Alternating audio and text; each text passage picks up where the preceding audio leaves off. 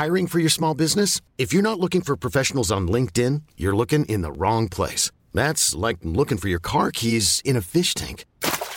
LinkedIn helps you hire professionals you can't find anywhere else, even those who aren't actively searching for a new job but might be open to the perfect role. In a given month, over 70% of LinkedIn users don't even visit other leading job sites. So start looking in the right place. With LinkedIn, you can hire professionals like a professional. Post your free job on linkedin.com slash achieve today. Hey, it's Ryan Reynolds, and I'm here with Keith, co-star of my upcoming film, If, only in theaters May 17th. Do you want to tell people the big news?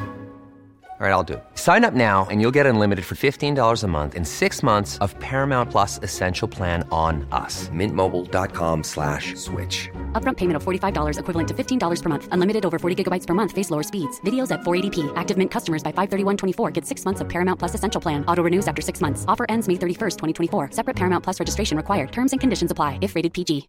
Hey, Dave. Yeah, Randy. Since we founded Bombus, we've always said our socks, underwear, and T-shirts are super soft. Any new ideas? Maybe sublimely soft. Or disgustingly cozy? Wait, what? I got it. Bombas. Absurdly comfortable essentials for yourself And for those facing homelessness. because one purchased equals one donated. Wow, did we just write an ad?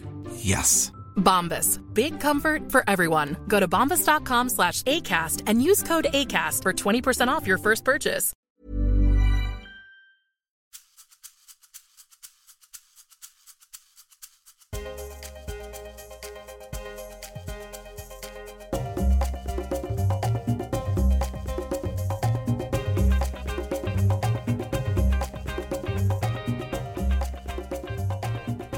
Hej och välkomna till Karriärpodden. Eva Ekedal här. Nu är det höst och vi har dragit igång och spelar löpande in nya avsnitt till Karriärpodden där jag får träffa spännande kvinnliga ledare från olika branscher och i olika chefsbefattningar. Där får vi möjlighet att förstå vad är det för tjejer egentligen och vad gör de i sina olika roller? Och framförallt, vad är det som utmärker dem och som har gjort att de har lyckats? Och hur tänker de helt enkelt? Jag vill rikta ett stort tack till Manpower Group som gör det möjligt för oss att producera och sända Karriärpodden. I det här avsnittet har jag det stora nöjet att få träffa Anna Särner, VD på Svenska Filminstitutet. Anna är en spännande person med en framgångsrik karriär där hon bland annat tidigare var VD på Tidningsutgivarnas branschorganisation och VD på Reklamförbundet. Hon är utbildad jurist och har också läst filmvetenskap och gått Stockholms filmskola. Dessutom har hon stor erfarenhet från olika styrelseuppdrag. Anna har ett starkt engagemang i jämställdhetsfrågor och driver bland annat aktivt ett jämställdhetsprogram inom filmbranschen. I podden kommer vi att prata om karriären, ledarskapet och hur livet är fullt av slumper och hur viktigt det är att fundera över vad man själv vill. Nu kör vi!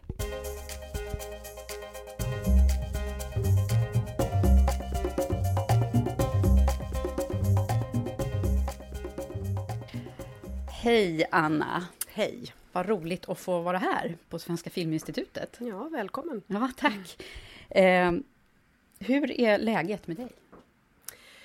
Ja, det är väl eh, just nu eh, håller jag på att räkna ner tills jag fyller 50 på lördag. Så att eh, det är mycket med det. Åh, då får man säga grattis i förskott. Ja, tack så mycket. Men du, det är en väldigt bra årgång, 64 måste jag Ja, säga. du säger det. Ja, jag har precis tränat på att fylla det där, så att jag vet förstår, precis hur ja. det är. Ja, Ja. man klarar det också. Ja, jag är helt övertygad om det och jag har inte eh, någon ångest eh, kvar.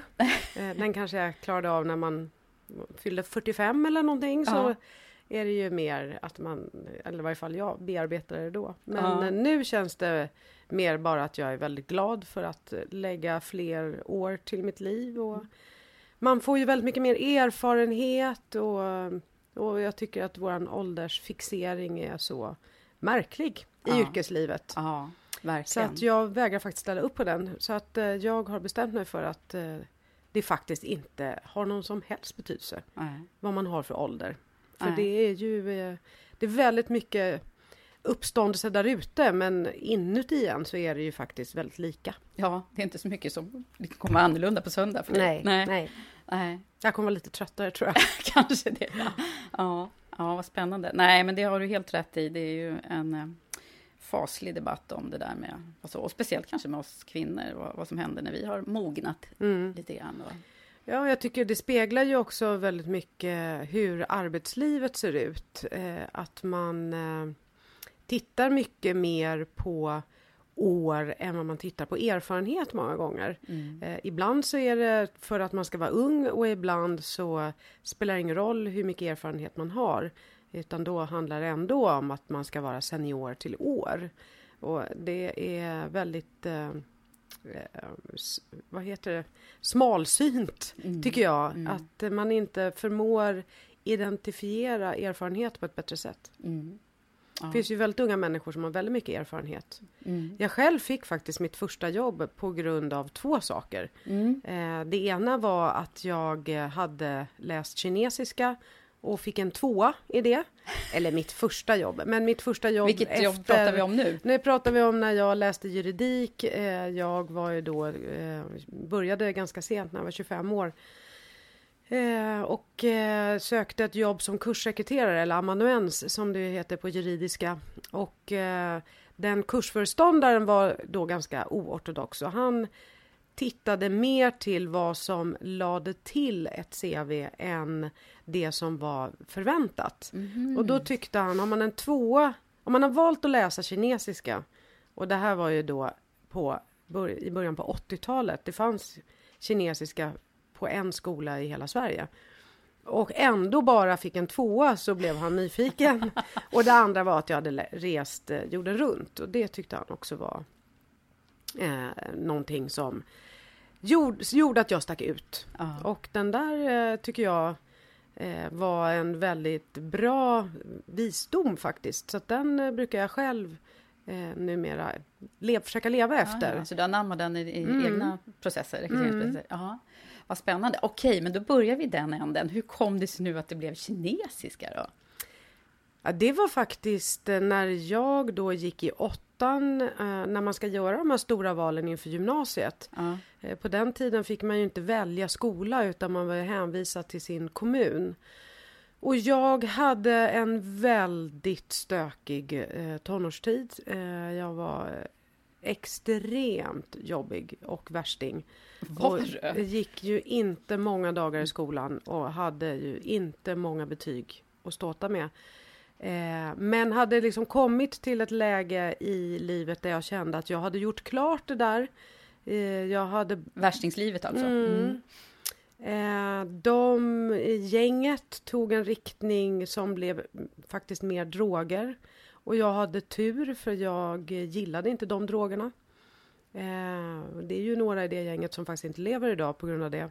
Oj. Eh, men jag, då hamnade jag i ett läge där jag kände att jag måste nog eh, skiljas från de här. Jag kommer ihåg att jag faktiskt tänkte det. Jag, Hur gammal var du då? Jag var 15 år.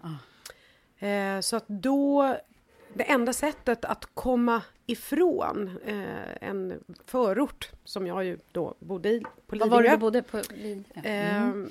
Eh, Det var att eh, hitta ett ämne som inte fanns på Lidingö. Och eh, då kände jag via familjen den då eh, i princip enda läraren i kinesiska i Sverige, Silla Lindqvist. Som har skrivit massor med böcker efter det och är professor i kinesiska. Eh, och hon fanns vid det som nu är Frans Schartau. Men då hette Skanstulls gymnasium. Så då valde jag kinesiska och där, det var ju också Så det var svaret. gymnasievalet Ja, alltså? ja. Okej. Mm. Ja, det kanske var i nian då. Ja. Eh, så att eh, då kom jag till eh, Skanstull. Vad, vad hände med dig då? då? Lugnade du ner dig då eller? Eh, nja, ja, alltså, då var det ju så att jag hade ju som sagt dåliga betyg så jag fick ju komma in på den linje, den enda som mina betyg räckte till och det var naturvetenskapliga programmet. Eh, och det var ju mycket fysik och så och det kan man väl inte påstå att jag hade tillbringat så många timmar i det fysiklabbet. Så att det gick in, inget vidare sammanfattningsvis. Så eh, den första terminen så eh, då sjönk det rejält. Eh, men då fick jag byta klass. Okej. Min pappa dog den hösten också så att jag tror att de var behjälpliga med att faktiskt, jag tror i och för sig att många skolor gör det, om de ser att man ändå vill. Eh, jag vet att jag minns att jag var på Arbetsförmedlingen för att jag var så skoltrött och då sa de, ja vet du vad, det, ja, det finns två jobb du kan välja på här. Det ena är som biträde i skoaffären Sko-Uno. Eh, och det var en ganska tuff affär. Eh, med tuffa skor kommer jag ihåg. Ja, det kommer jag ihåg också. Eh, Ja. Men eh, då här sa han, jag boots. kan inte, ja precis, boots med amerikanska flaggan på och så. Så det tyckte jag väl i och för sig var lite kul sådär, men då sa han, jag kan inte rekommendera det för jag märker att folk börjar och slutar omedelbart så att det är någonting som är fel på det där stället. Men det andra jobbet du skulle kunna söka är som sotarlärling. Och då kände jag att nej, men jag kanske ska plugga lite ändå. Så då, eh, då bytte jag. liksom. Då bytte jag eh, klass och så kom jag in på samhällsvetenskapliga programmet med estetisk inriktning så att jag läste vi hade teater och så och då helt plötsligt blev Hände jag eh, då hamnade jag i rätt vatten Ja. och fick nya kompisar. Så det var liksom en slump egentligen då, att du kom in på det estetiska spåret? Man kan väl säga att det är en slump. Jag tror ju i grunden att ja, livet är fyllt av slumper. Men eh, om inte jag hade känt efter i magen eh, vad jag faktiskt hade för riktning och vad jag ville. Då hade den slumpen aldrig, eh, jag hade aldrig slump, eh, heter, snubblat över slumpen. Eh, så att jag tror ju naturligtvis på att visst, det finns massor med tillfälligheter i livet, men är du på fel spår så hjälper det inte att de där tillfälligheterna är där, för du ser dem inte. Utan man måste vara eh, noga med att fundera på vad vill jag själv? Jag träffade faktiskt en tjej bara i förrgår som eh, är juridikstuderande och jag har varit med på såna inspirationsdagar för juristlinjen. Och då tog hon kontakt med mig. Bara det var ju en jättebra grej av henne. Ja. Så hon mejlade mig och frågade tack för inspirationen, skulle du kunna tänka dig att träffa mig? För jag går nu på andra terminen och det är ju nio terminer man läser juridik. Ja. Och jag eh, känner att jag är lite vilsen. Och så träffades vi eh, och då förstod jag att hon hade verkligen valt juridik eh, av magkänsla. Att hon kände att hon ville verkligen plugga. Hon eh, hade gått mediaprogrammet på gymnasiet, var väldigt ung, hade precis gått ut. Jag antar att hon gick direkt till universitetet. Eh, och när hon, eh, och på mediaprogrammet så var det ju mycket foto, hon hade haft en fotoutställning, var uppenbarligen väldigt kreativ. Ja.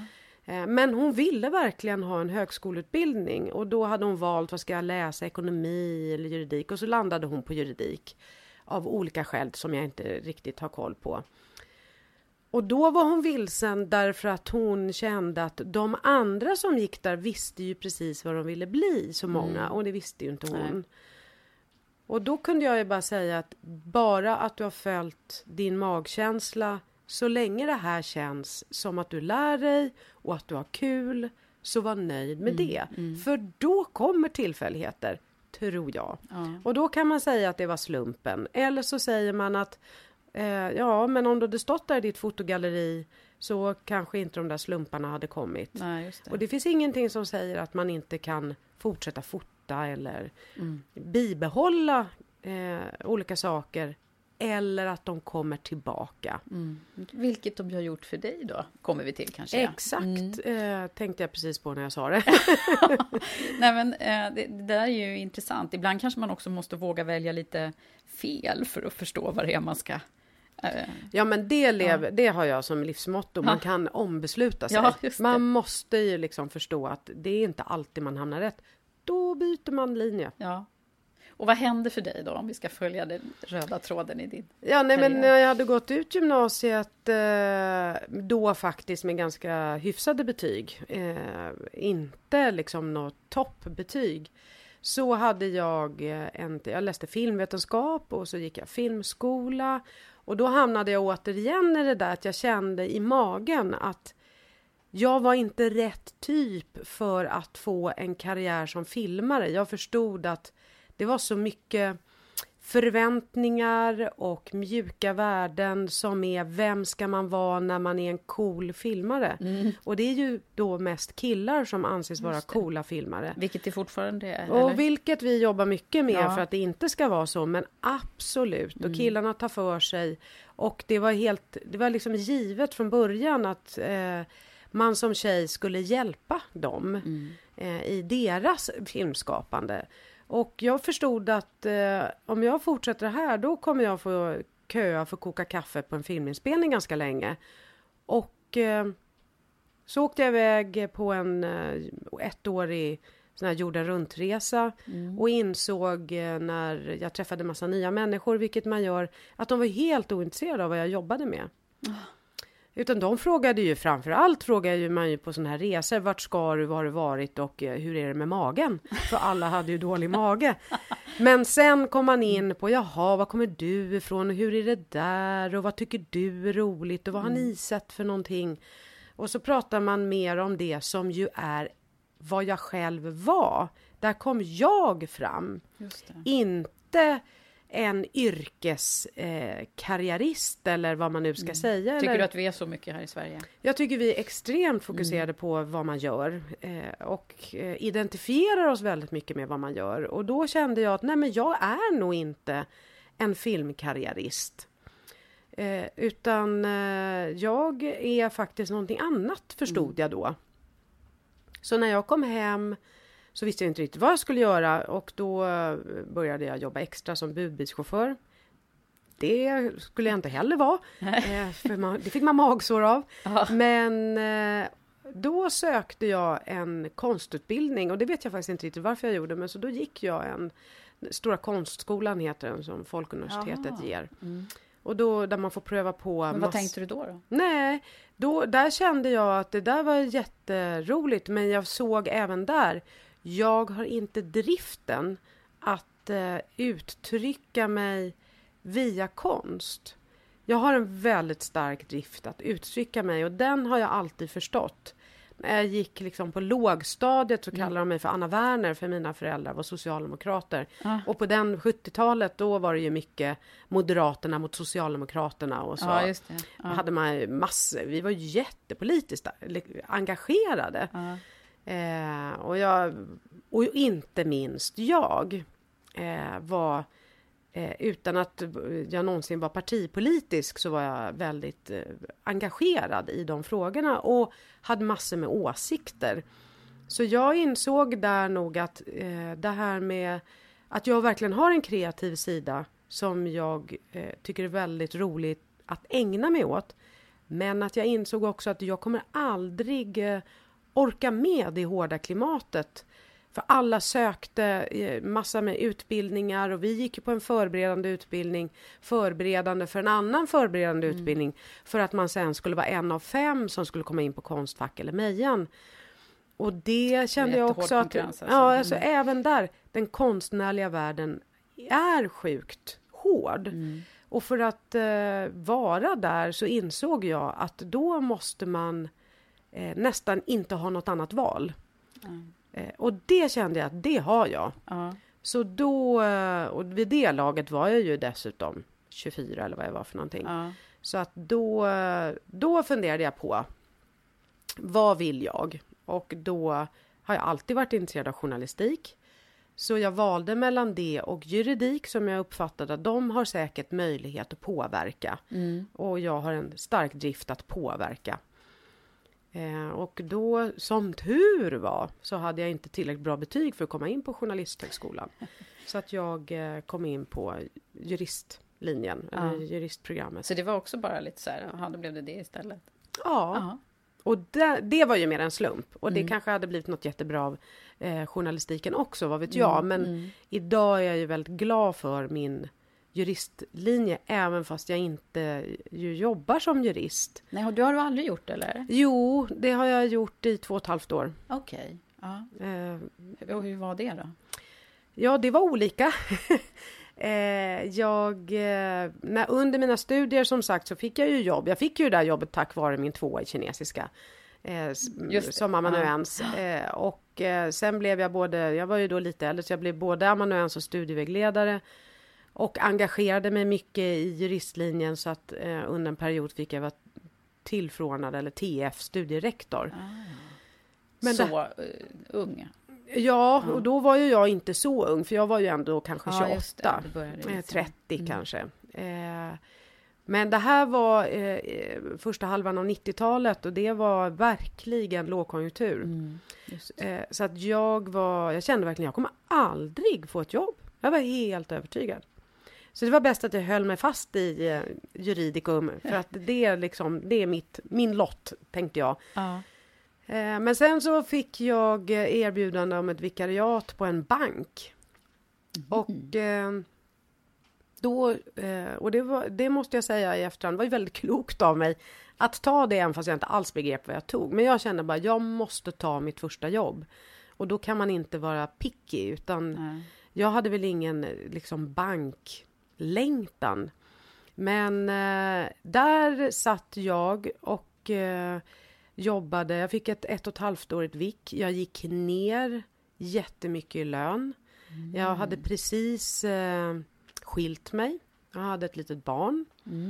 Eh, så att jag gick back varje månad. Så jag fick eh, bostadsbidrag. Men jag kände väldigt starkt. alltså. Mm. Eh, jag måste lägga till saker. Och det har jag i efterhand. Den, så resonerar jag fortfarande.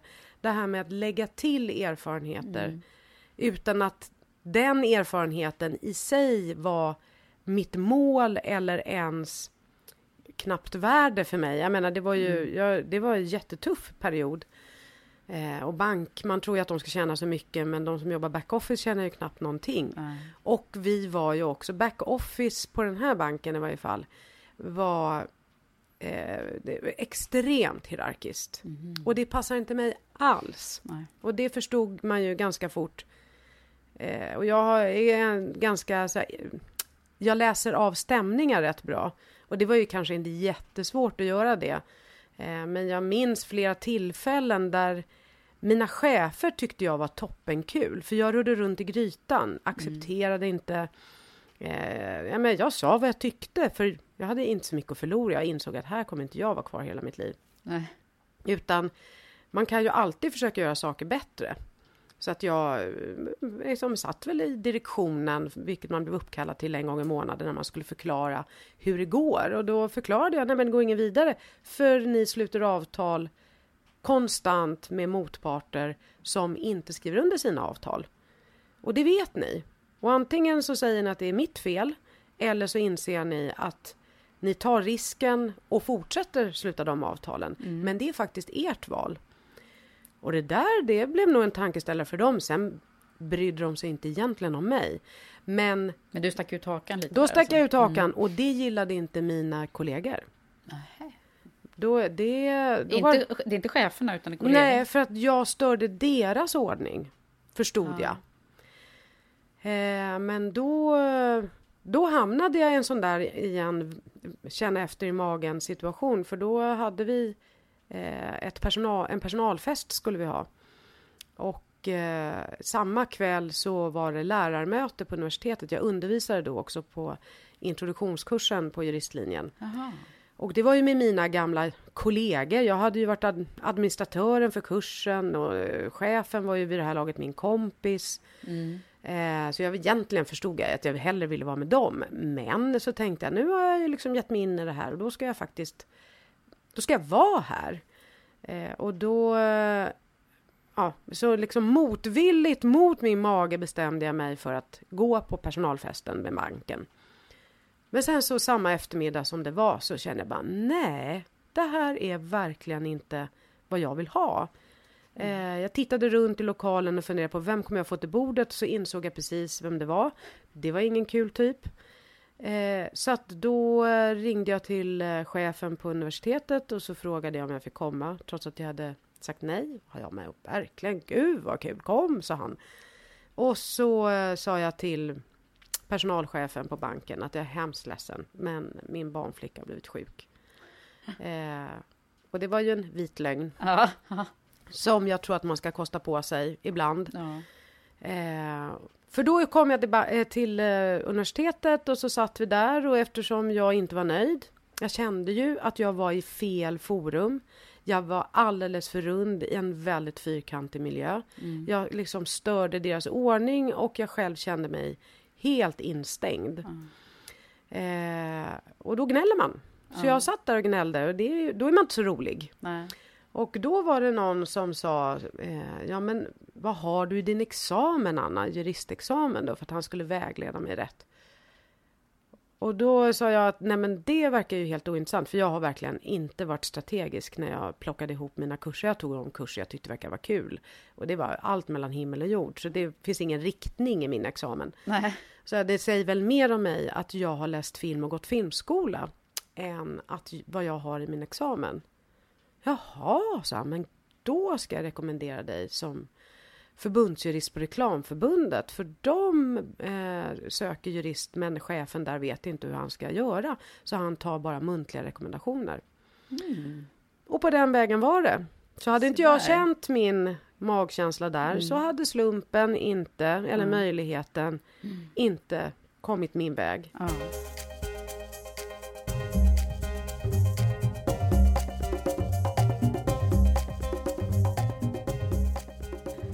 2006 då hade jag ju varit VD på Reklamförbundet i sex år, eh, nästan sju till och med tror jag. Och hade jobbat där redan i då åtta år. Ja.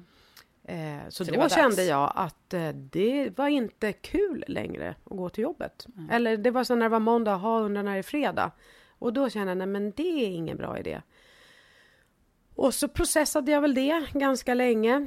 Eh, och då var det 2006 och då var det helt plötsligt nya strålande tider för Sverige och Sveriges ekonomi.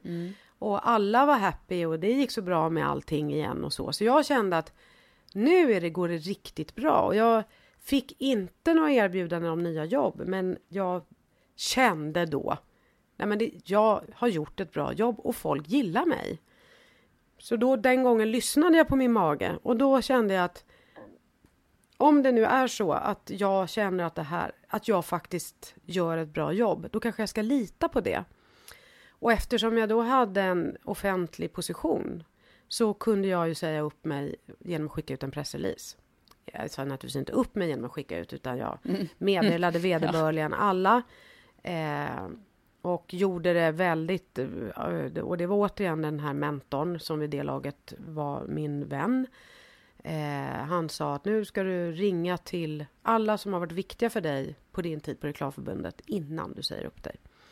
Så att jag eh, skrev min egen pressrelease eh, och jag ringde till de som jag hade haft som ordförande, en olika. Och sa bara så du ska veta att nu kommer jag säga upp mig och jag vet inte vad jag ska göra. Nej, för du visste inte det Nej. alltså? Nej. Du gjorde en Hade sån ingen sak. aning. Ja, och jag var ju då ensamstående eh, och hade köpt ett hus. Så att jag hade ju liksom företaget familjen Anna Särner behövde pengar. Eh, och jag hade inga sparade medel. Men jag kände att om jag inte jag vågar lita på det här, vem ska i sådana fall lita på att jag vågar saker? Och jag kände att det går ju bra så det kommer säkert lösa sig. Så sen sa jag upp mig och då skickade vi ut pressreleasen. Eh, och det gjorde ju att branschtidningen skrev ju naturligtvis om det. Det. Och eh, alla de människor som jag har träffat på, som jag också, det finns ju några som jag inte står ut med. Och det är människor oftast Mm. Är som har även för dig alltså? Ja, som har svikit mig på ett eller annat sätt. Jag kan skilja väldigt mycket på sak och person. Men när jag känner att de faktiskt bryter löften eller eh, ljuger eh, och försöker bedra mig helt enkelt. De eh, lackar jag på. Så att, men i de andra sammanhangen så har jag verkligen vinnlagt mig om att skapa goda relationer. För jag gillar människor. Eh, så att då får man svälja lite grann och man behöver inte ta alla strider och så. Och det visade sig ju också därför att då jag blev, jag vet inte hur många frukostar och luncher jag åt med jätteintressanta människor som inte hade ett jobb att erbjuda. Men som ville veta vad jag ville bli när jag, ville bli, när jag skulle bli stor. Och det vet man ju inte. Det, jag vet fortfarande inte vad jag vill bli. Du Ja, hade jag skulle- ingen önskan då? då Nej. alltså? Eh, för mig var det väldigt svårt faktiskt, för jag är ju jurist, men har jobbat som chef inom reklambranschen. Jag har aldrig jobbat med reklam. Men det är klart att jag hade fått en insikt, det förstod jag ju, men jag har ju faktiskt aldrig jobbat med reklam. Eh, så att jag hade ingen aning om vad det betydde. Skulle jag vilja bli chef för en reklambyrå eller vad vill jag bli marknadschef? Kunde jag det? Och det är ju det här, vi har ju alla dåligt självförtroende. Och det Eh, brukar ju dala ganska fort när man, när man också, sen när man inte har den där arbetsplatsen och tryggheten Ja, och det var ju, går ju väldigt fort att eh, Mm. det blev mindre i mailboxen. Men då, eh, det första som hände var att jag blev erbjuden ett uppdrag. Skulle, jag blev upp, erbjuden att bli moderator för en heldagskonferens för branschen. Där jag både skulle skapa För innehållet. reklambranschen eller? Ja, precis. Eh, reklam och mediebranschen var det. Eh, jag skulle skapa innehållet och jag skulle leda dagen. Och det var tillräckligt mycket betalt för att jag räknade mycket då, gjorde många olika små budgetar på servetter och annat. Jag insåg att då klarar jag mig en månad. Då kan jag fakturera så att jag klarar mig den månaden. Så då började jag helt enkelt i väntan på att jag skulle få det där erbjudandet som alla de här intressanta människorna ville ge men inte hade. Utan de ville bara ha ett samtal sonderande för att höra vad jag ville för om det skulle komma någonting så ville de gärna anställa mig. Men jag fick ju inte många förslag på jobb. Eh, så då, då satt jag där på alla de här frukosten, frukostarna och luncherna och efter ett tag när man har svarat på frågan vad vill du bli när du blir stor och inser att jag har inte ett svar så börjar det ju ändå utkristallisera sig vad är viktigt för mig på en arbetsplats. Så jag förstod att det finns några parametrar som verkligen är väldigt viktiga för mig för att jag ska vilja ha ett jobb. Och det är att jag gillar dem jag jobbar med. Jag vill ha kul på jobbet. Eh, jag insåg att jag ville vara i en eh, organisation som eh, är i förändring så att säga eller där det händer saker. Jag, som, jag hade ju ändå jobbat åtta år på samma ställe så hoppjerka var ju synd att säga men att eh, det var en kreativ bransch som det hände mycket i och som behövde hjälp så att säga. Och sen avslutningsvis så eh, trodde jag då att jag eh, inte behövde vara chef än utan bara få stort ansvar och stor frihet, så högt i tak. Inte bank med andra ord. Det hade du redan testat. Eh, så det var ju mitt budskap sen och det var ju väldigt vägledande både för mig och för dem för helt plötsligt så öppnas ju världen. För den typen av arbetsplats är inte branschspecifik eller yrkesspecifik utan jag, helt plötsligt så insåg jag, nej men gud, jag skulle ju kunna jobba inom bilindustrin. För det finns säkert, om jag skulle komma in på en avdelning så skulle jag känna, här kan jag ha kul. Eh, ja, Ja. och så vidare. Så att det, då insåg jag att allt är möjligt och, in, och då insåg jag också, jag ska inte hoppa på ett jobb om inte de här tre parametrarna är uppbyggda, liksom finns på plats. Höll du det då? Nästan, inte riktigt. Och det kan jag förklara varför. För då under tiden så byggde jag upp mitt konsultbolag. Och så började jag konsulta i väntan på det roliga jobbet. Och efter ett år så fick jag förfrågan om jag var intresserad av jobbet som vd för Tidningsutgivarna. Och det var en organisation som ju i internets framfart man insåg att ni är dammiga. Just det. Eh, De hade inte hängt med riktigt de där. hade inte hängt med riktigt och det visste de i styrelsen så de ville absolut att eh, ha en person som skulle göra en förändringsresa. Det är en branschorganisation. Det är en branschorganisation för eh, Sveriges dagspress. Ja. Så alla svenska morgon och kvällstidningar Mm. är, eller var med på den tiden. Eh, och, och, och då fanns det ju saker som var roliga på det jobbet. Jag skulle få prata om frågor som jag tycker är otroligt viktiga, nämligen demokrati och dagspressens roll och att kritiskt granska makten och det passar ju in i min juridik och mitt patos Du som hade ju jag en har. gång längtat efter journalistkarriären Och jag också. hade ju en gång längtat efter journalistkarriären. Eh, jag hade också upptäckt när jag hade varit på intervjuer på några jobb att jag drog det kortaste strået och det var alltid åter, samma återkommande argument. Du har varit chef över för få, vi var 13 på Reklamförbundet. Du har varit chef över för lite pengar. Det var, vi omsatte inte ens 20 miljoner. Och du har inte haft linjeansvar som de uttrycker det. Att man helt enkelt inte har ett krav på att dra in intäkter. Och då kommer jag också ihåg att under den här perioden så blev Ebba Lindsö tillsatt på Svenskt Näringsliv. Och hon var, hade varit öppet emot EMU, alltså eurosamarbetet. Och eh, Svenskt Näringsliv hade en policy där man var öppet för EMU. Och eh, då var hon intervjuad i Dagens Industri och eh, då, där sa hon att ja, min personliga åsikt är ju det här och jag, nu vet ju jag, liksom, hon var ju väldigt politiskt korrekt på alla sätt och vis. Men då var det, det var ett hel uppslag med männen, med Ulf Spendrup, som sedermera också har sagt att det finns inga kompetenta kvinnor Ja. i täten som sa hon ska göra vad vi säger. Och då insåg jag att där, det är inte en miljö jag vill vara i. Så det ville jag ju säkerställa att det inte skulle hända mig också. För jag insåg också om man ska vrida en organisation som har varit väldigt konservativ och befästande till att bli modern och föränderlig. Det eh. Så är det en jättestor resa och då måste jag ju ha styrelsens stöd. Hade du inte det då eller? Eh, det eh, hade jag faktiskt inte först, upp, eh, upplevde jag. Så jag kände att ni kan nog inte riktigt leverera på det här. Det var dessutom, budgeten var väldigt mycket högre. Och eh, an, det var 42 anställda på den tiden. Så att eh, jag insåg att det var mycket som var bra. Liksom själva saken var ju... Alltså jag, är inte, alltså jag har inte haft någon specifik kärlek till reklam direkt. Eh, men dagstidningen, jag kan inte leva utan en morgontidning.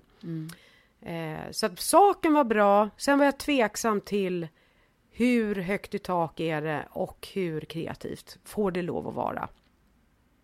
Så då gjorde jag så att jag eh, träffade ett antal ur eh, styrelsen för att checka av hur mycket frihet de var beredda att ge mig. Och min bedömning efter att ha träffat dem var att det var de inte. Så då tackade jag nej. Okej. Och då hände det som brukar hända, nämligen att då insåg de att det var bara mig de ville ha. Just det. Eh, Så här, kvinnlig list. Ja, det var det ju inte faktiskt, utan det var verkligen, jag, då, jag kände bara, nej men där vill inte jag vara. De vill ha lite omväxling, men de Life is full of what ifs. Some awesome, like what if AI could fold your laundry? And some, well, less awesome, like what if you have unexpected medical costs? United Healthcare can help get you covered with Health Protector Guard fixed indemnity insurance plans. They supplement your primary plan to help you manage out of pocket costs. No deductibles, no enrollment periods, and especially no more what ifs. Visit uh1.com to find the Health Protector Guard plan for you. Wow! Nice. What you're hearing are the sounds of people everywhere putting on Bombas socks, underwear, and t-shirts made from absurdly soft materials that feel like plush clouds. Yeah, that plush. And the best part? For every item you purchase, Bombas donates another to someone facing homelessness. Bombas. Big comfort for everyone. Go to bombas.com slash ACAST and use code ACAST for 20% off your first purchase. That's bombas.com slash ACAST. Code ACAST. Hey, it's Ryan Reynolds, and I'm here with Keith, co star of my upcoming film, If, only in theaters, May 17th. Do you want to tell people the big news?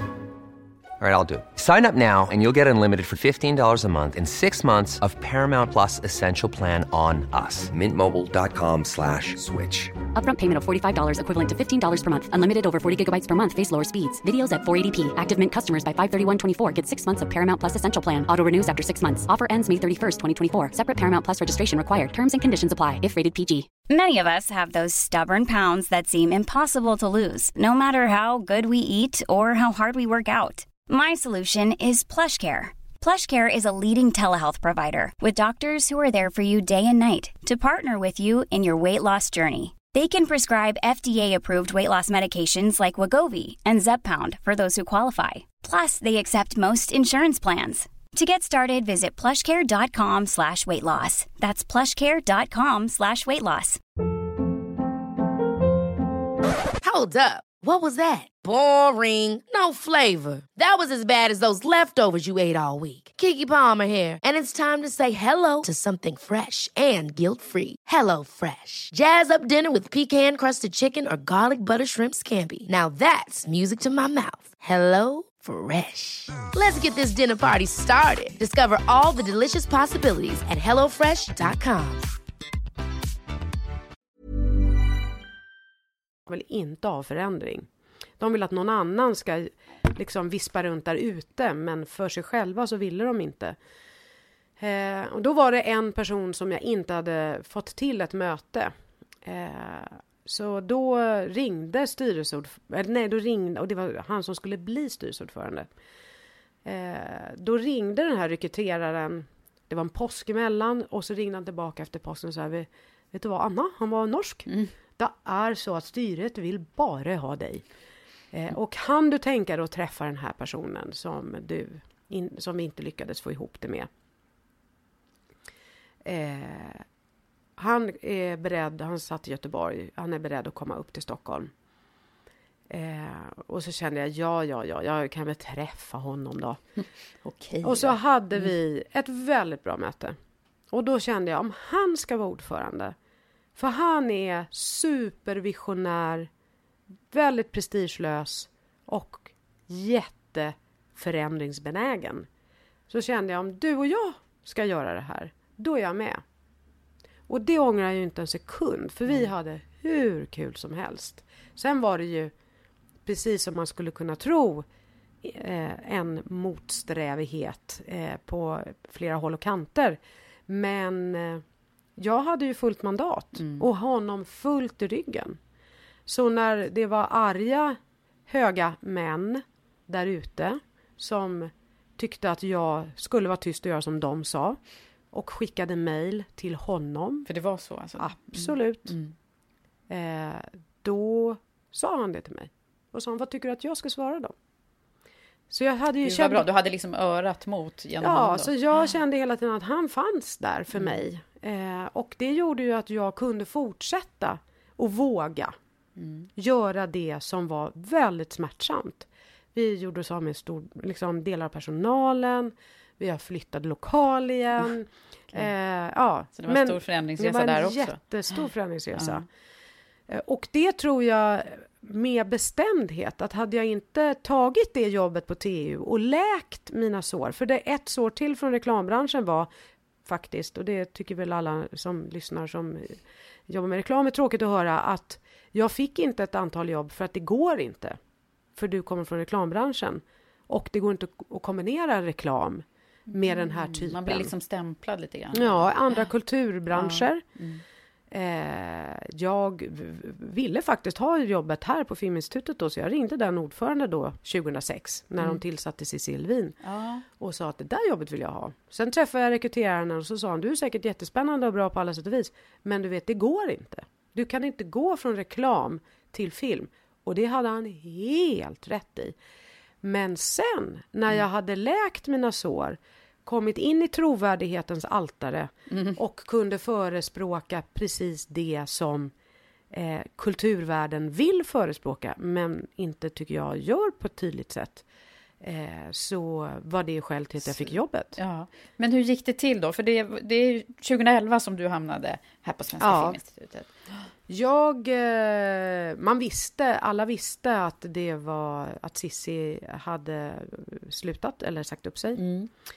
Eh, och jag hade fått frågan av några, vill inte du ha det där jobbet? Och då kände jag bara, nej, det är en till bransch. Och då hade jag varit i två branscher och varit branschrepresentant. Mm. Och branscher är inte jättekul alla gånger. De kan ha jättetrevliga människor. Men som bransch betraktad så bråkar de ofta, det är mycket intern konkurrens. Mm. Eh, och de vill påverka mig genom att hota med att lämna branschorganisationen. Så det är man säger, om mm. du inte gör som vi säger, då kommer vi gå ur. Mm. Och då förlorar ni jättemycket pengar. Och ju mer pengar de bidrar in, desto större makt har de ju naturligtvis. Eh, så det var jag verkligen inte intresserad av en tredje gång. Eh, så jag var väldigt tveksam och tänkte det där kommer jag inte söka. Men då blev jag uppringd mm. av den rekryteringsfirman som frågade är överhuvudtaget intresserad? Och då sa jag det vet jag faktiskt inte. Och så hade vi ett förutsättningslöst samtal och då när jag förstod att det är inte en branschorganisation, även om man naturligtvis... Nej, det är inte så alltså. Nej, utan Nej. vi är ju ett, en organisation som har framför allt ett statligt uppdrag eh, men där staten också tillsammans med branschen finansierar vår verksamhet. Så vi är ju styrda delvis av branschen. Men vi ägs inte av branschen. Vi är mer än myndighet. Ah, okay. Så Vilket innebär. Mm. vi ska verka för filmen och att Mm. filmen når sin publik. Vi ska inte verka för delar av branschen. Sen betyder ju inte det att man inte... Det är inte så enkelt Men sen ska ni stötta film... Så vi ger ju pengar till både filmer Mm. och filmare och till de som distribuerar filmerna och till biograferna som visar filmerna och till skolorna som använder filmerna. Eh, Men allt bygger ju på att det är filmen som ska komma ut. Inte att vi ska stötta egentligen branschen som gör film. Men det är ju så att en bransch som inte mår bra gör ingen bra film. Ja. Så att det betyder att indirekt måste vi ändå verka för att branschen har så bra förhållanden som möjligt. Eh, och om det inte finns biografer där ute eh, som kan visa film så måste vi verka för att det finns det. Det. Så vi har ju ett stort uppdrag ändå. Hur, har jobbet, hur ser jobbet ut här då, Anna? Ja, men det ser ju ut så att eh, jag eh, är nu chef över 115 personer i en väldigt eh, speciell och väldigt fantastisk organisation därför att det är eh, 115 experter kan man säga. Inom olika, vi har alltså hela ansvaret för filmen. Allt ifrån att se till att det görs ny film, det vill säga typ inseminationen eh, av våra pengar. Så folk söker stöd hos oss för att kunna göra film. Och vi har, vi har väldigt, väldigt stor makt där, för vi är de som är grundbulten kan man säga, eh, till att det blir film. Så att vi har väldigt mycket makt och därmed väldigt mycket ansvar. Men vi kan ju också naturligtvis, vi har väldigt stor möjlighet att påverka. Eh, åtminstone inriktningar. Vi kan ju inte påverka hur filmerna görs sen, men eh, där har vi stor påverkan.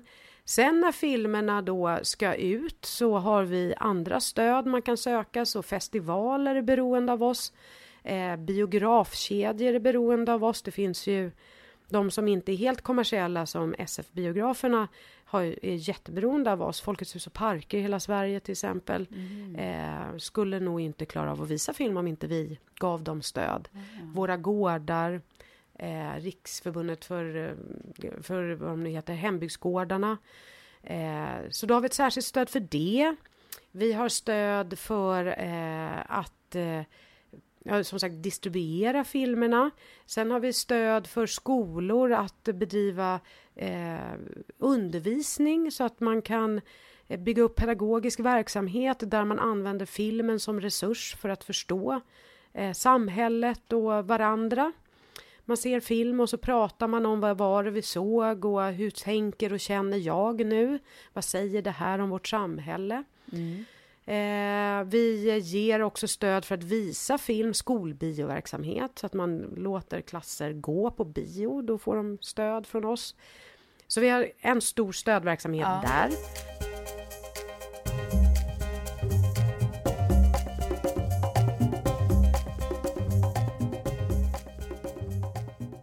Va, va, vad skulle du säga, vad är liksom utmärkande drag för dig som ledare, din ledarstil idag? Eh, eftersom jag har fått den här frågan några gånger så har jag ju tänkt på den eh, och försöker då balansera för det är naturligtvis att man har olika sidor. Eh, men jag tror att de positiva utmärkande dragen är att jag är informell, det vill säga jag fortsätter att faktiskt försöka vara Anna. Jag försöker vara en av andra. Det fick som resultat att när jag innan jag började här, eller precis när jag började, så träffade jag alla medarbetare, alla då hundra, en halvtimme var. Alla individuellt? Ja, och inte utifrån vad tycker du om ditt jobb, utan vem är du? För jag vill veta vem jag träffar vid kaffemaskinen, jag vill veta vad de heter, jag vill veta om de, vad de tycker är kul. Har de något annat, har de tvåa i kinesiska till exempel? Eh, så att jag försöker vara en sån och jag vill också verkligen att vi ska göra tillsammans. Så jag är väldigt inbjudande till dialog och att lyssna. Och jag är också faktiskt prestigelös. Eh, det vill säga, om jag har fel har jag inga problem att ändra mig. Eh, jag är väldigt snabb eh, och också väldigt snabb på att fatta beslut. Det är många gånger bra. Det är inte alla gånger bra. Jag kan fatta fel beslut. Jag kan fatta beslut, och jag är ju också slarvig har jag ju sagt. Och det betyder att jag inte alltid har orkat ta reda på allt. Vilket har inneburit att vi har fattat fel beslut eh, som har drabbat folk. Och då får man ändra sig. Mm. Och så får man fatta nya beslut. Eh, jag eh, är väldigt tydlig och ärlig. Som någon har sagt, som har fått en hemlig fråga vet jag, eh, när de skulle beskriva mig. Hon är brutalt uppriktig men med ett stort hjärta. Mm. Eh, och det där är ju, låter ju härligt men det är klart att jag är ju därmed också, tycker vissa, väldigt auktoritär. För jag vet vad jag vill. Mm. Och jag är tydlig med det. Och jag är... Om man argumenterar rätt så är jag beredd att ändra mig. Men om man inte argumenterar så ändrar jag mig inte. Nej. Så gnälla, det är... Vilket inte är liksom det enda folk gör naturligtvis. Men det är, ibland är det gnäll. Eh, det provocerar mig snarare. Och då... eh, Don't fuck with the fucker brukar jag säga. Och det gäller även omvärlden. Ja.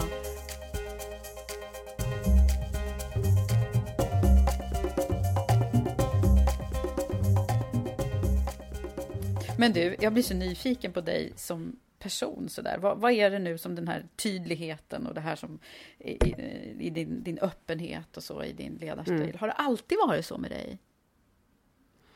Alltså jag tänker på när din uppväxt och från när du var liten och då Nej, det kan jag inte minnas då. Eh, faktum är att jag under min uppväxt var liksom lite eh, i strykklassen. Om än i liksom de hö... Alltså, alltså, när jag var... När jag gick på lekis så upp till femman, sexan så eh, hade jag inte jättemycket kompisar och jag fick inte leka det var ju någon som var ledare och jag fick leka med henne ibland. Men eller så ville hon leka med Peson som hon kallades. Eh, så att jag var lite små, liksom. Lite kände mig lite små utanför. Mm. Eh, eller inte små, jag kände mig nog ganska ensam då. Mm. Eh, och sen när jag blev värsting, vilket den karriären inledde jag ju visserligen ganska tidigt då. Eh, och det tror jag var ett uttryck för min starka drift jag har att vilja saker. Mm. Och jag fick ju inte göra någonting när man inte får vara med. När man är ensam får man ju inte göra någonting. Så det var liksom en, en strategi? Ja, jag tror, att, nej, jag tror att det bara var frustration Ja, faktiskt som ja. kom till uttryck på ett väldigt eh, destruktivt sätt. Men då var jag ju med i värstinggänget och vi var ju liksom värst på hela Lidingö, även kända i stan. Eh, så att jag var ju i, en, med, liksom? i en högstatusgrupp, men i den gruppen var jag lågstatus. Mhm. Eh, men jag tror att jag har en eh, stark överlevnadsinstinkt. Det är också min pappa, han begick självmord. Eh, man kan ju eh, tackla, jag var 17. Man kan tackla det på många sätt och mitt sätt blev att bli krigare. Okej. Alltså jag valde att överleva genom att göra. Så då... Jag hade, han hade hjälpt mig att komma på rätt spår genom att byta klass och så. Men sen dog jag han precis i det. Och då hade jag ju verkligen kunnat tappa greppet. Mm. Men då gjorde jag inte det. Nej, hur kommer det sig? Eh, Ja, jag vet inte varför jag har en så stark koppling till min, eh, min inre sisu eller stamina eller Mm. Det finns något inre själ. Ja, jag har lugn. något sånt. Och det har jag varit väldigt intresserad av att utforska. Mm. Och ju mer jag har utforskat, desto tydligare har jag blivit och desto mer eh, säker på vad jag själv står för har jag blivit. Men jag har verkligen jag har gått massor med år i terapi. Jag har gått ett eh, ledarskapsprogram som heter Self-Managing Leadership. Som går ut egentligen grunden på att förstå vad är mina viktigaste värderingar? Vad är syftet med mitt liv? Och vad vill jag? Mm. Eh, vad vill jag vara någonstans när jag står vid graven? Mm. Så du har forskat mycket i Jag har i forskat väldigt mycket i mig Mm. själv. Mm. Och, eh, och det gör jag oförtrutet. Mm. Fortsatt nyfiken. Ja, vilket skrämmer en del. Jag har inte Gör haft det? någon... eh, Mm. Ja, absolut. Eh, Det är ju inte alla män som vågar uppvakta mig om jag säger så. Nej, okej. kanske beror på andra saker också. Men det, jag skrämmer ju en del och jag skrämmer ju också... Eh, jag har skrämt bort en del vänner som har upplevt att jag ställer krav på dem. Jag kommer ihåg väl en som var jätteviktig för mig. Men jag mådde väldigt dåligt med henne för hon, eh, hon var väldigt vårdslös med min tid. Eh, hon ställde in möten, hon kom för sent, hon svarade inte. Utan hon bara räknade med att jag skulle finnas där. Eh, och det tyckte jag, ja, då hamnade jag i det där som jag kände mig när jag var utanför och gick på lågstadiet. Så eh, då sa jag det till henne. Och sa, vet du vad, jag tycker det är jättesvårt att vara din vän, för jag känner mig så bortprioriterad av dig. Mm. Och det klarade inte hon. Eh, och då upplevde jag att hon så att säga gjorde slut med mig. Det var otroligt smärtsamt. Ja. Men jag kände, och det är väl så det är med mig, jag kan liksom inte förställa mig. Du är tydlig och dig själv även där. Ja, och liksom. jag är ärlig, eh, Mm. både mot mig själv men också ibland på ett sätt som jag naturligtvis hade kanske varit bättre om jag bara hade kunnat, för jag saknade ju henne jättemycket. Mm. Men jag eh, mådde inte bra i det och då var jag tvungen att ta konsekvenserna av det. Så på det viset är jag väldigt fundamentalistisk. Mm. Och det skrämmer ju naturligtvis en del. Du, eh, eh, det här med du nämnde din mentor där tidigare och så här. Har du andra så förebilder som, som du själv har liksom känt så här att det här sådana som jag har hakat på eller sådana som jag Eh, gillar? ja, jag har många andra förebilder och det har varit en eh, strategi som inte var så uttänkt från början men nu absolut är det. När jag identifierar människor som jag känner att jag blir nyfiken på eller intresserad av, då bjuder jag hem dem. Så bjuder jag ihop till middagar. Mm. Tycker alla är fantastiskt. Nu när jag är VD för Filminstitutet kan jag säga att jag får ännu mer intressanta människor för de vill ju Alltså det är ju så, den, för den som har ska vara givet. Mm. Så att eh, jag blir ju intressantare på grund av min position. Mm. Men det gör ju att jag också har lärt känna människor som har jätteintressanta positioner. Men det beror ju också på att jag har bjudit hem dem och så bjuder jag ihop dem. Eh, och det inser jag att det är inte så vanligt. Eh, och eh, det kan jag verkligen rekommendera och det är också väldigt generöst. Eh, och jag själv fick det när jag fick det här jobbet. Så det första som hände var att grannarna på Gärdet, vilket är Sveriges Radio och SVT, Mm. deras chefer Kerstin Brunberg och Eva Hamilton Mm. bjöd mig inom samma vecka. Den ena, Kerstin bjöd mig på en lunch, på en helg med sin familj men också vänner och hon hade besök internationellt som hon tänkte att det kan ju vara bra för mig. Mm. Eh, Och ni kände inte varandra innan? Vi hade naturligtvis mött varandra innan. Eh, men verkligen inte liksom på det, inte så att vi bjöd hem varandra. Nej. Och Eva Hamilton som jag också hade mött och haft kontroverser med. Mm. Helt klart, det hade jag ju haft med Kerstin också. För jag har haft kontroverser med tidningarna, har haft kontroverser med Ah, public service. Mm. Och jag representerade ju tidningarna. Men det stod de över och Eva bjöd hem mig på en middag. Vill du komma på en tjejmiddag på fredag? Så mejlade hon. Eh, om du inte har något för dig. Det hade jag ju naturligtvis som jag omedelbart avbokade och eh, tackade ja till och fick ett bara åh vad roligt, då blir vi 31. Eh, och då var det 31 av Sveriges toppkvinnor. Och det var kvinnor bara? Det var bara kvinnor och de var ju hur generösa som helst. Ja. Den här myten om att kvinnor sticker knivar i ryggen på varann. Är det någonting man ska döda, för det är inte ens belagt i någon forskning, tvärtom. Så är det så att kvinnor stöttar varandra. Sen finns det en och annan som har en särskild plats i helvetet. Just det, Men det finns. Mm. ännu fler män som har det. Ja. Så Ska man ha klart för sig. Men vad härligt, två starka kvinnor som, Mm. som eh, hörde av sig direkt Mm. till dig. Då kommer vi ju osökt in på den här frågan som ju även Karriärpodden är väldigt intresserad av, nämligen att få mer jämställdhet kring. Mm. eh, hur, och du jobbar väldigt aktivt på den frågan, Mm. har jag läst mig till. Mm. Kan du berätta lite om det Nej, men arbetet? jag tycker att eh, jag själv som kvinna och chef har ett väldigt stort ansvar att våga benämna att det faktiskt inte är jämställt. Mm. Eh, och det vet jag därför att jag också har utbildat mig, så jag är medveten. Eh, det finns många kvinnor som har vad man brukar kalla för en könsneutral strategi.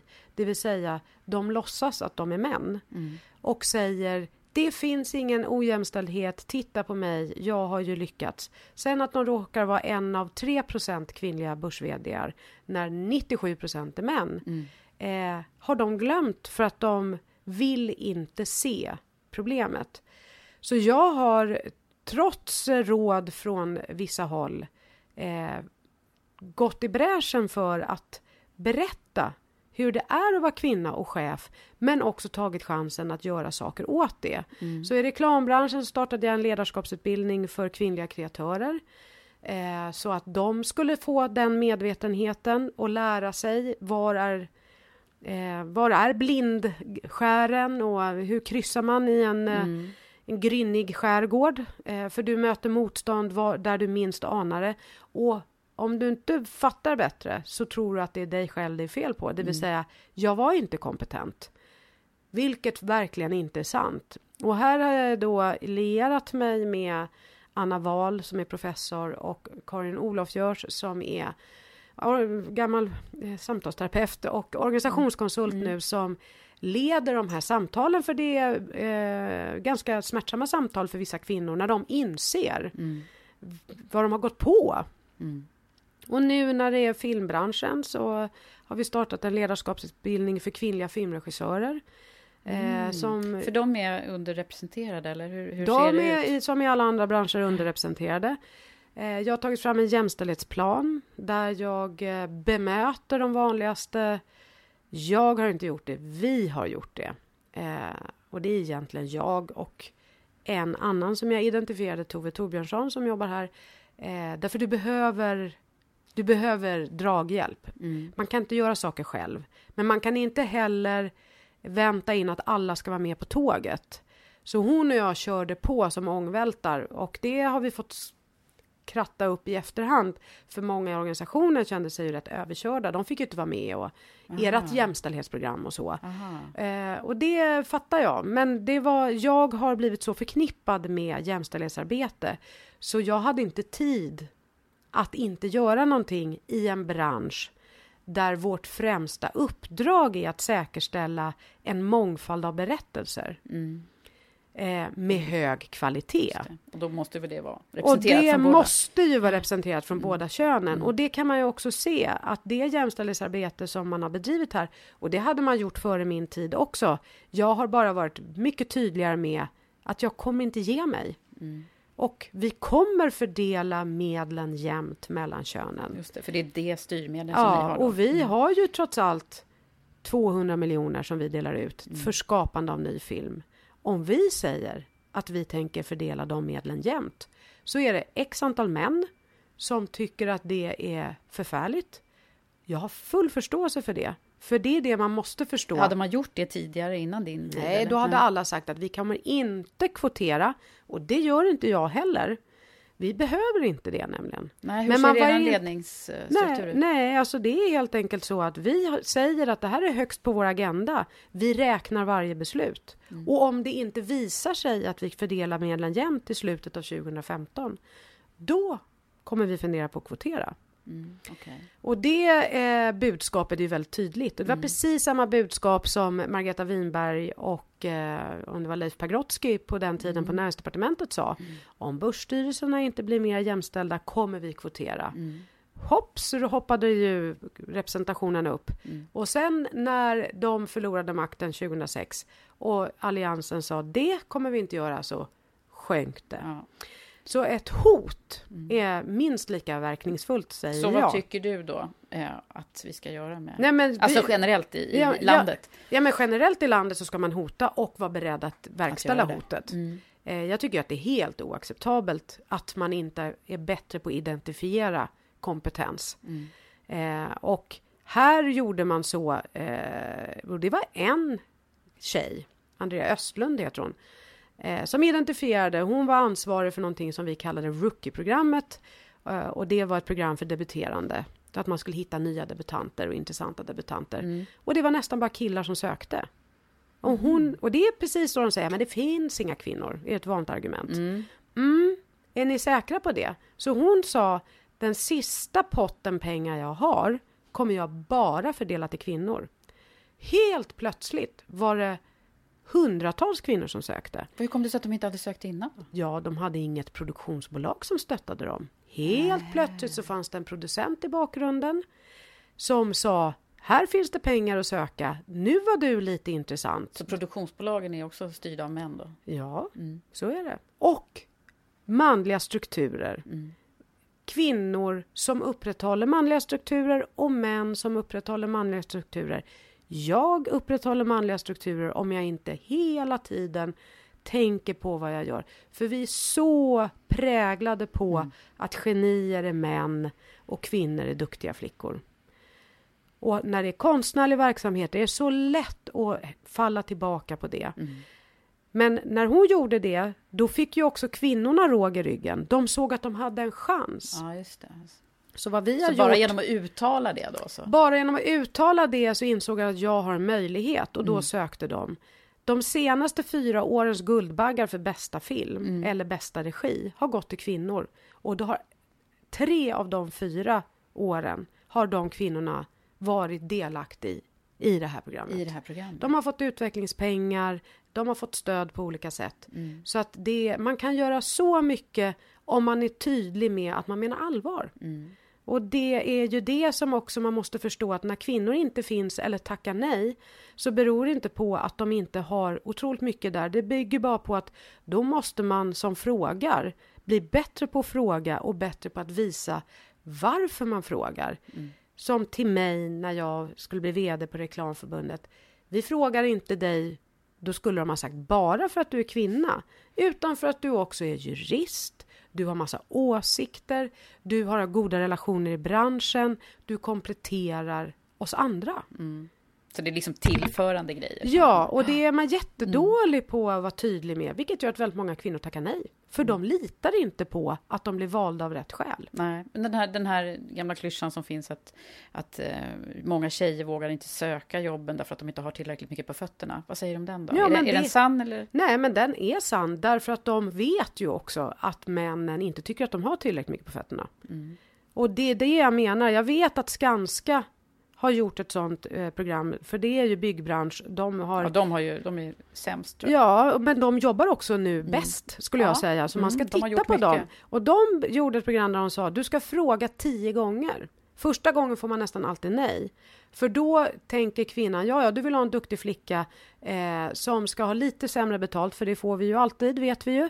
Eh, och som inte tar hänsyn till att jag har familj som jag också prioriterar. För det vet vi också, vi kvinnor som har barn och gör karriär, vi får höra att vi är dåliga mammor. Det är inte alla som vill det. Det är inte alla som har en man som eh, tar ansvar hemma eller har en arbetsplats som tillåter att han tar ansvar. Så kvinnor har en mycket komplexare livssituation när de ska tacka ja till ett ansvarsfullt jobb.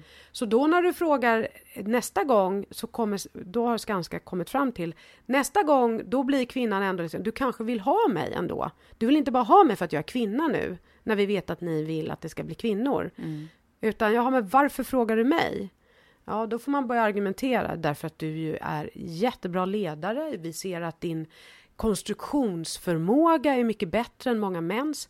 För det vet vi ju att kvinnor gör ju mycket bättre ifrån sig på universitet och högskolor. De exar snabbare och med bättre betyg så de kan ju inte vara inkompetenta. Och sen kan, tackar kanske kvinnan fortfarande nej för hon inser att resten av eh, hela livssituationen är fortfarande i det dolda. Och sen kan man förstå, men eh, accepterar ni att vi inte har möten klockan sex på kvällen eftersom jag har barn som jag vill åtminstone varannan vecka kunna hämta på dagis? Ja, och så lägger man på. Så att det handlar helt enkelt om att jag och kvinnor tackar nej lite för mycket. Eh, men det finns väldigt goda skäl till det. Och vill man jämställdhet så är det ju inte bara kvinnorna som ska förändra sig. då måste ju omvärlden förändra sig. Mm, mm. Vi måste bygga arbetsplatser som accepterar att både mammor och pappor tar ansvar som föräldrar. Eh, antingen i form av att man betalar en barnvakt eller barnhämtare eller städning eller vad det nu är för någonting. Mm. Ja, man måste helt enkelt hjälpa familjer att också göra karriär om man tycker det är viktigt. Mm, mm, precis. Det är väldigt lätt att komma lätt undan. Ja, vi har lite kvar att jobba på där. Mm. Du Anna, om nu när du får möjlighet att summera här lite grann, Mm. passar ju bra inför kommande jubileum. Ja. Eh, vad, vad, vad liksom, om man tittar på din karriär Mm. eller ditt liv i Mm. stort, så här, vad är det för liksom viktiga lärdomar och sådär som du kan summera kring nu? Eh, jag tror egentligen eh, grundläggande, det finns bara en viktig lärdom för mig och det är att hela tiden vara nyfiken och våga utmana mig själv och utvecklas. Eh, och det är ju jätteläskigt. Ibland på yrkeslivet, ibland i privatlivet. Eh, jag har väldigt gott självförtroende på vissa områden och då är det ju så lätt att vara modig. Men på andra områden har jag sämre självförtroende och då är det inte så lätt att vara modig. Eh, så att eh, jag har ju sett att när jag vågar så och hela tiden har kontakt med min mage Mm. så eh, brukar det bli ganska bra. Mm. Och när det inte har blivit det så har jag kunnat eh, ombesluta mig. Så Mm. att eh, jag tänker nog att eh, jag har ingen aning om vad jag ska bli när jag blir stor. Och jag har ingen aning om hur mitt liv kommer gestalta sig. Men jag hyser stor tillit till att Mm. om, jag, om jag fortsätter att vilja väl så mot mig själv Mm. och omvärlden så tror jag nog att det finns goda förutsättningar för att det ska bli väl. Mm. Eh, och sen får väl livet utvisa Mm. vad ödet hade. Ja, spännande. Sen så, så brukar jag alltid fråga, om, nu, om vi nu tänker på de, alla de här duktiga tjejerna som, som, som sitter där ute och som kanske till, sitter och funderar på hur nästa steg i deras karriär, eller kanske rent av funderar på om de ska våga söka det där chefsjobbet, Mm. eller vad vill du ge dem för tips och råd utifrån dina erfarenheter? Ja, det är ju att säga ja, tacka ja. Mm. Eh, när jag fick frågan om jag ville bli vd för Reklamförbundet, jurist, det är ingen chefsutbildning. Eh, jag tackade ju ja till någonting jag inte hade en aning om vad det var. Mm. Eh, det gick ju bra ändå med a little help from your friends. Man måste ju eh, ta hjälp från sin omgivning. Mm. Så att tacka ja, eh, ge generöst till andra så får man generöst tillbaka. Våga fråga om hjälp. Eh, som den här tjejen på juristlinjen Mm. som ringde mig eller mejlade mig och frågade om inte vi, vi tog en fika på en 45 minuter. Det kanske eh, är precis sånt som man ska göra. Mm. Om man är nyfiken på någonting, bjud någon på en lunch eller bjud på en kaffe och fråga hur har du det? Mm. Så våga Eh, fråga. Ja. Eh, och sen eh, hela tiden faktiskt känna efter i magen och säkerställa att man eh, trivs med de man jobbar med. Alltså har man kul på jobbet? Mm. Och har man inte det, då kanske man inte ska vara där, även om det ger jättemycket betalt.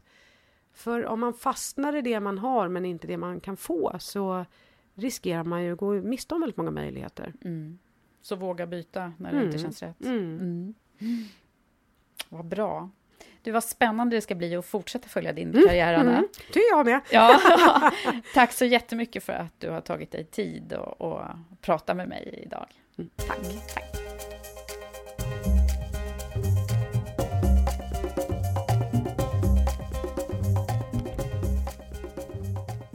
Nu när jag sitter här och summerar och reflekterar över dagens samtal så kan jag inte låta bli att imponeras och inspireras av Anna. Vilken fantastisk person. Man kan ju verkligen förstå att hon når fram med sitt budskap och hennes tydliga ledarstil, men också att hon är så där härligt personlig och prestigelös och generös.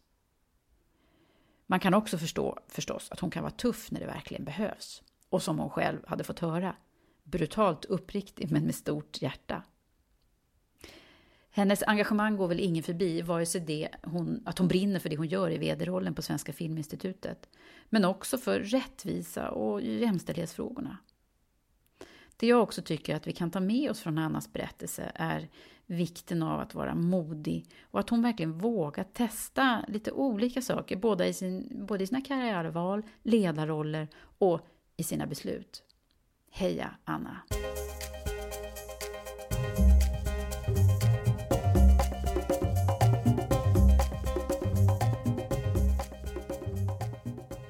Karriärpodden görs i samarbete med Manpower Group, Sveriges ledande kompetensföretag med fokus på ett hållbart arbetsliv. Tack för att ni varit med och lyssnat idag. Vi hörs snart igen.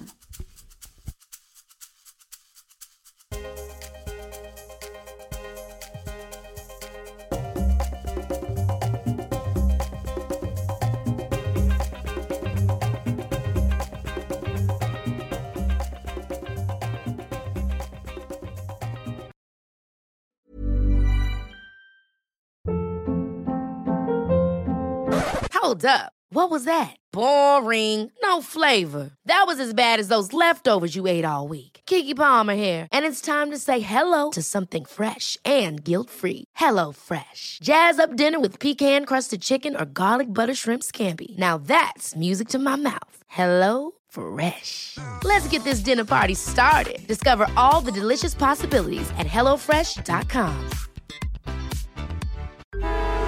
Traffic jams, tailgating, pileups. Ugh, the joys of driving. How could it get worse? The federal government wants to have a say in what you drive. That's right. The Biden administration's EPA is pushing mandates that would ban two out of every three vehicles on the road today. Don't let Washington become your backseat driver. Protect the freedom of driving your way. Visit EnergyCitizens.org. Paid for by the American Petroleum Institute.